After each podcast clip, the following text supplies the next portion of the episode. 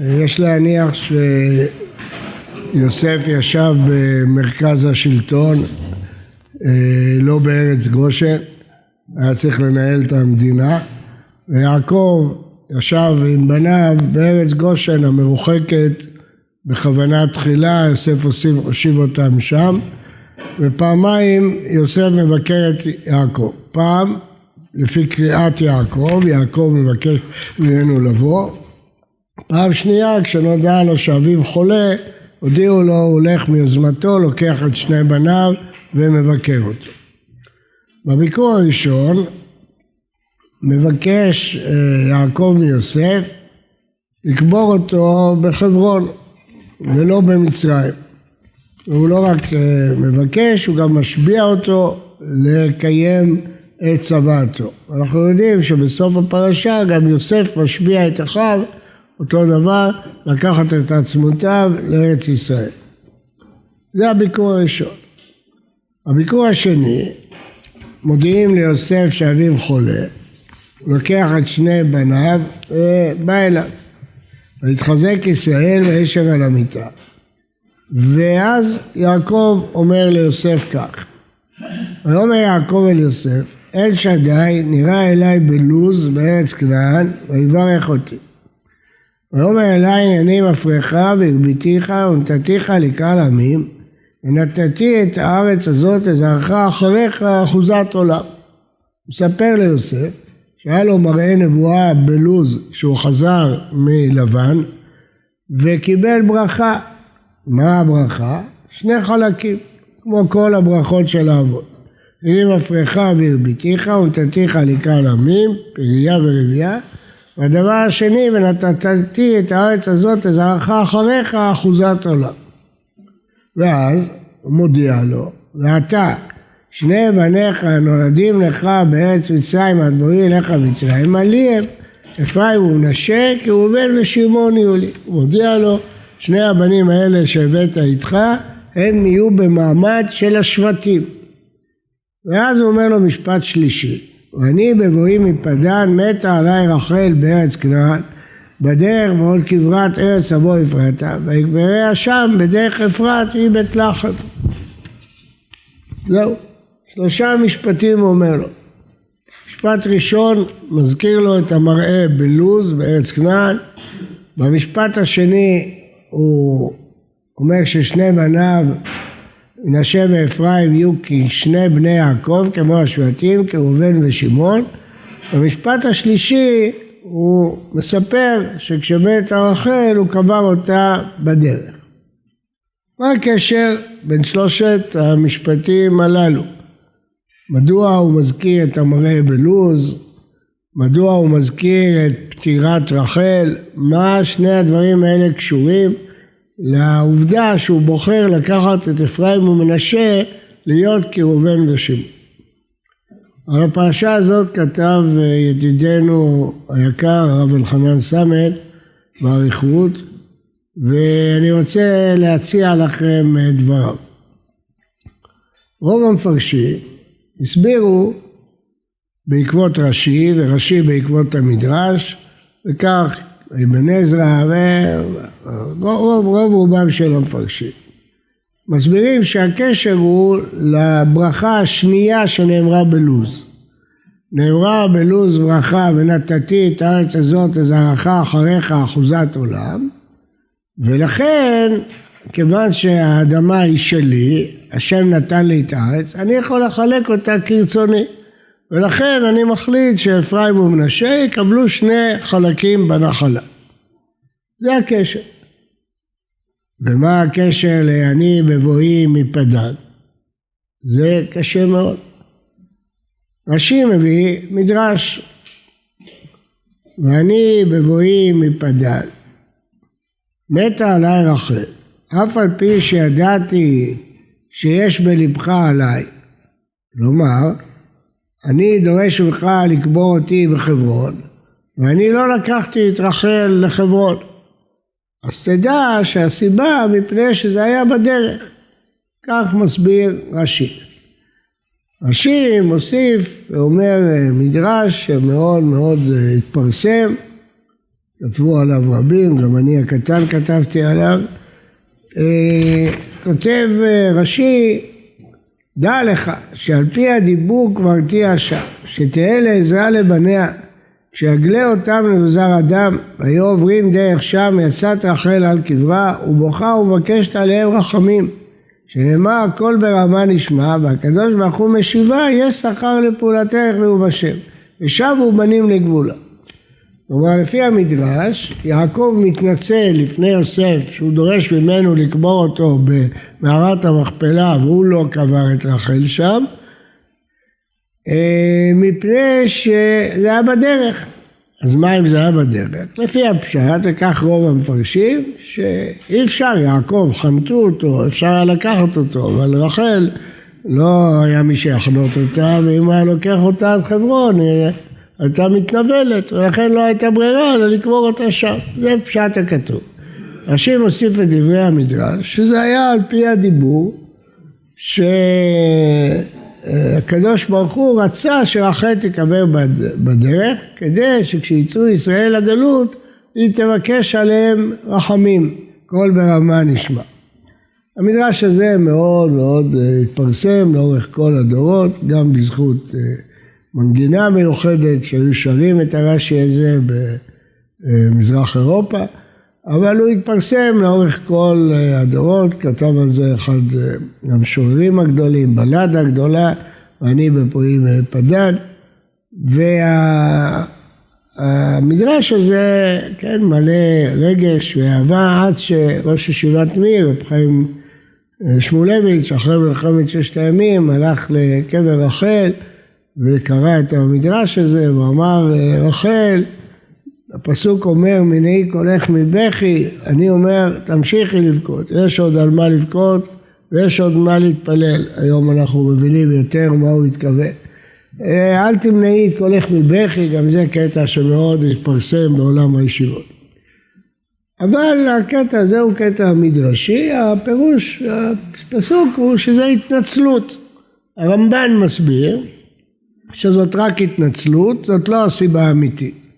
הסיבה האמיתית שהוא לא קבר אותה במערת המכפלה, כי הוא קבר שם את לאה, והוא לא רצה לקבור שתי אחיות, כי בארץ ישראל אסור לשאת שתי אחיות. מה שיעקב נשא שתי אחיות זה בחוץ לארץ.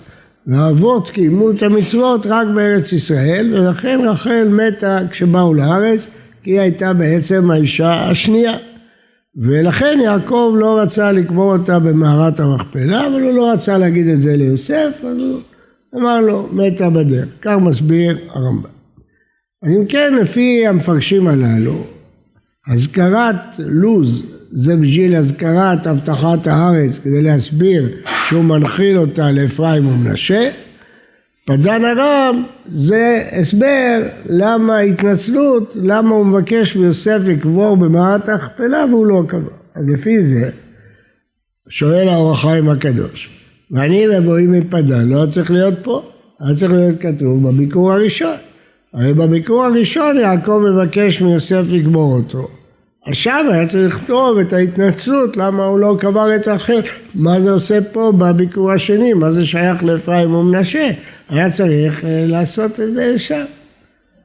אז יש שאומרים שכיוון שהוא הרגיש שזה לפני מותו, אז הוא רצה לסגור את כל החשבונות עם יוסף אה, ולהסביר לו, יכול להיות, אבל עדיין זה קשה.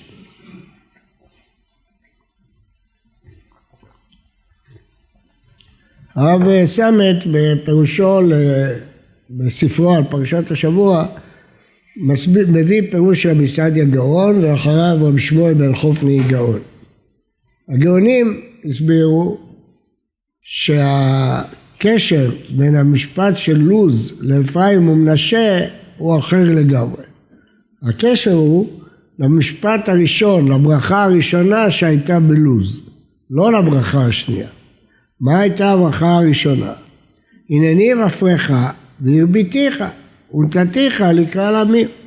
ואם נסתכל בנוסח הברכה מדויק, כתוב גוי וקהל גויים יצא ממכה.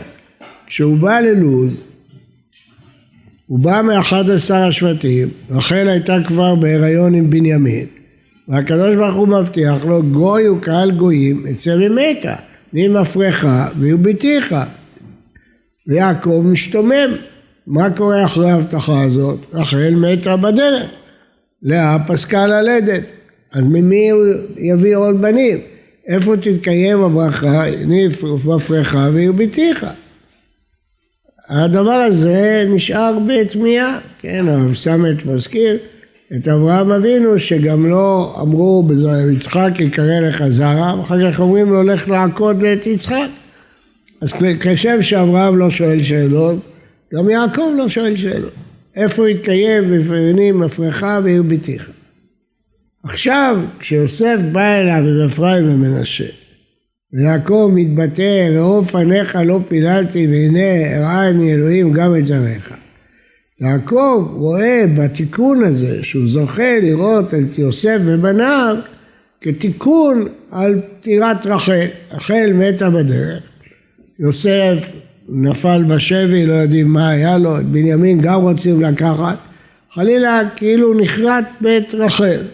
והנה כשיעקב בא למצרים ופוגש את אה, רחל, את יוסף ואת שני בניו, אז הוא מתעורר מחדש להבטחה שניתנה בלוז. ולפי רב סעדיה גאון, הוא אומר שעכשיו הוא מבין שההבטחה הזאת, קהל גויים יצא ממכה והפרטיך והפרטיך זה לא על בנים אישיים שיהיו לו, אלא על הבנים של יוסף. אז כמובן שכאן המפרשים, אבן עזרא דוחה את רבי סעדיה גאון, הוא אומר אם ככה למה הבנים של יוסף? למה לא הבנים של ראובן? למה לא הבנים של שמעון? טוב, אבל זה די ברור. שהבנים של ראובן ושמעון כל הזמן היו איתו, אבל הבנים של יוסף, הוא פוגש אותם כמו בתחיית המתים, בהפתעה, ראו פניך לא פיללתי, הנה הרני אלוהים גם את זרעך. אז כשהוא פוגש אותם, הוא מבין מהתרגשות שהנה הקדוש ברוך הוא מקיים את הבטחתו להישאר פריה ורבייה מבית רחל, שהוא חשב שהוא כבר נחרט, כי היא מתה, יוסף נחתה וכן הלאה, ולכן הוא מכתיר את אפרים ומנשה על פי הנבואה הזאת, להיות מהשבטים, כי ראובן ושמעון יעלי, עליהם הקדוש ברוך הוא הבטיח, גוי וקהל גויים יצא ממכה. כך לפי רב סעדה גאון. עכשיו, מה זה שייך לבעני ובואים מפדן?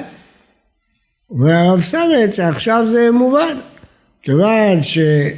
הבעיה הגדולה הייתה כשמתה רחל והוא ראה איך התקיים עיני מפריך והרביתיך ועכשיו אחרי שהוא רואה את אפרים ומנשה אז הוא מסביר מתה עליי בדרך ולא ידעתי איך תתקיים הברכה עכשיו כשאני רואה את אפרים ומנשה אני רואה שמתקיימת הברכה ודברי פי חכם חן בפירוש שמסביר את כל ההקשר בצורה ברורה וגם מסביר את הלגיטימיות מה פתאום להכניס את אפרים ומנשה לשבטים. מי מסמיך את יעקב להוסיף שני שבטים? התשובה היא הנבואה בלוז. הנבואה בלוז אמרה לו שעוד שני גויים יצאו ממכה ולא היו לו יותר בנים אלא הבנים של יוסף אז בנבואה הזאת הוא ראה שהוא יכול להחשיב את הבנים של יוסף כבנים שלו ולכן להכליל אותם בשבטים, ומאז אפרים ומנשה נכללים בתוך ה-12 שבטי ים. הפירוש הזה אה, מנתק את הקשר בין הביקור השני והביקור הראשון. הביקור הראשון הוא רק בקשה לקבור אותו בחברון. זה מה שהוא ביקש. למה הדבר הזה היה כל כך חשוב ליעקב? אז חכמים אומרים, מכאן חשיבות ארץ ישראל לחיים ולמתים. אנחנו יודעים שיש מצוות יישוב ארץ ישראל. אומרים המפרשים, הפסוק הזה רואים שלא רק מצוות יישוב ארץ ישראל, אלא גם להיקבר בארץ ישראל. יש לזה חשיבות. כך אומרים המפרשים. ומסבירים את זה שמי שנמצא בחוץ לארץ, גלגול מחילות וכדומה, הוא רוצה להיקבר בארץ ישראל. יש ביטוי חריף בגמרא על אנשים מבבל שלא עלו לארץ, אבל כשהם מתו ביקשו שיקברו אותם בארץ. זה היה בכל הדורות. אז החכמים דרשו על זה, ותבואו ותטמאו את ארצי. למה? כי הם יכלו לבוא בחיים, הם לא באו בחיים, רק אחרי שמתו. תבואו ואתם תבואו את הנציג, כשהייתם חיים לא באתם. עכשיו שאתם מתים אתם באים, זה ותבואו ואתם תבואו את הנציג. הרי יעקב לא יכל לבוא בחיים. אז הוא ביקש שיהיה אחרי מותו חשיבות ארץ ישראל לחיים ולמתים. זה החשיבות. והחשיבות הזאת מבוטאת בדברי חכמים במקום אחד, אבל זה חשוב להגיד אותו, שכלב כשהוא הולך עם אה, המרגלים, כתוב ויבוא עד חברון, ושואלים המפרשים מה הוא הלך לחברון, להתפלל על קברי אבות. רואים מפה שתפילה על קברי אבות זה לא מושג שהתחדש בדורות האחרונים, זה כבר רמוז בדברי חכמים על כלב שהולך למערת המכפלה להתפלל, להצליח בשליחות שלו. אז אם כן, יעקב לפי הפשט רוצה להיקבר בארץ ישראל, זה מעלת ארץ ישראל, ולכן הוא משביע את יוסף, וגם יוסף משביע את אחיו. אבל אפשר לפרש את זה גם אחרת. הסיבה שיעקב רוצה להיקבר בארץ ושיוסף משביע את אחיו להעלות את עצמותיו לארץ היא סיבה אחרת. היה חשש גדול והגיוני של התבוללות. כל הנפש הבאה מצרימה שבעים, כל בית יעקב שבעים איש. כמה היו במצרים? מאות אלפים, אולי מיליונים. מה הסיכוי ששבט של שבעים איש ישרוד מבחינה תרבותית ורוחנית בתוך מיליונים מצרים. אין סיכוי בכלל בעולם. ויעקב אה, מבין שאחרי דור או שניים יחשבו הילדים שזהו, מצרים זה הבית שלנו, זה הארץ שלנו. איך הוא ינטע בהם את החוויה של ארץ ישראל. יעקב מבקש שייקבר בארץ ישראל. משביע את יוסף. למה? כדי שהבנים יבינו איפה האדם רוצה להיקבר. איפה שיכול להיות שהבנים יבואו לבקר אותו אחרי מותו. אם הוא היה חושב שיישארו במצרים, הוא היה מעדיף להיקבר במצרים. אז באמירה הזאת, בזה שהוא משמיע את יוסף להיקבר בארץ, הוא אומר להם בעצם, תדעו לכם, אנחנו פה באופן זמני, ולכן הקבר שלי לא פה, הוא בארץ ישראל. אנחנו לא פה, לא באנו להשתקע, לגור בארץ באנו, אנחנו גרים פה. והאמירה הזאת היא אמירה מאוד מאוד חשובה, והיא גם האמירה של יוסף. יוסף משביע את אחיו להעלות את עצמותיו עמו, כדי שלא יתייאשו בגלות. מגיעים ימים קשים בגלות ארוכה ויכולים להתייאש ולחשוב זהו, אנחנו פה, נגזרנו. ויוסף אומר לא, אתם תעלו את עצמותיי לארץ ישראל, פקוד יפקוד אלוהים אתכם ועליתם את עצמותיי מזה איתכם. הדבר האחרון שמסיים את הספר בראשית הוא פקוד יפקוד אלוהים אתכם. יוסף יודע שתבוא הגאולה. יוסף יודע שיצאו בני ישראל ממצרים והוא אומר להם תיקחו את עצמותיי מזה איתכם.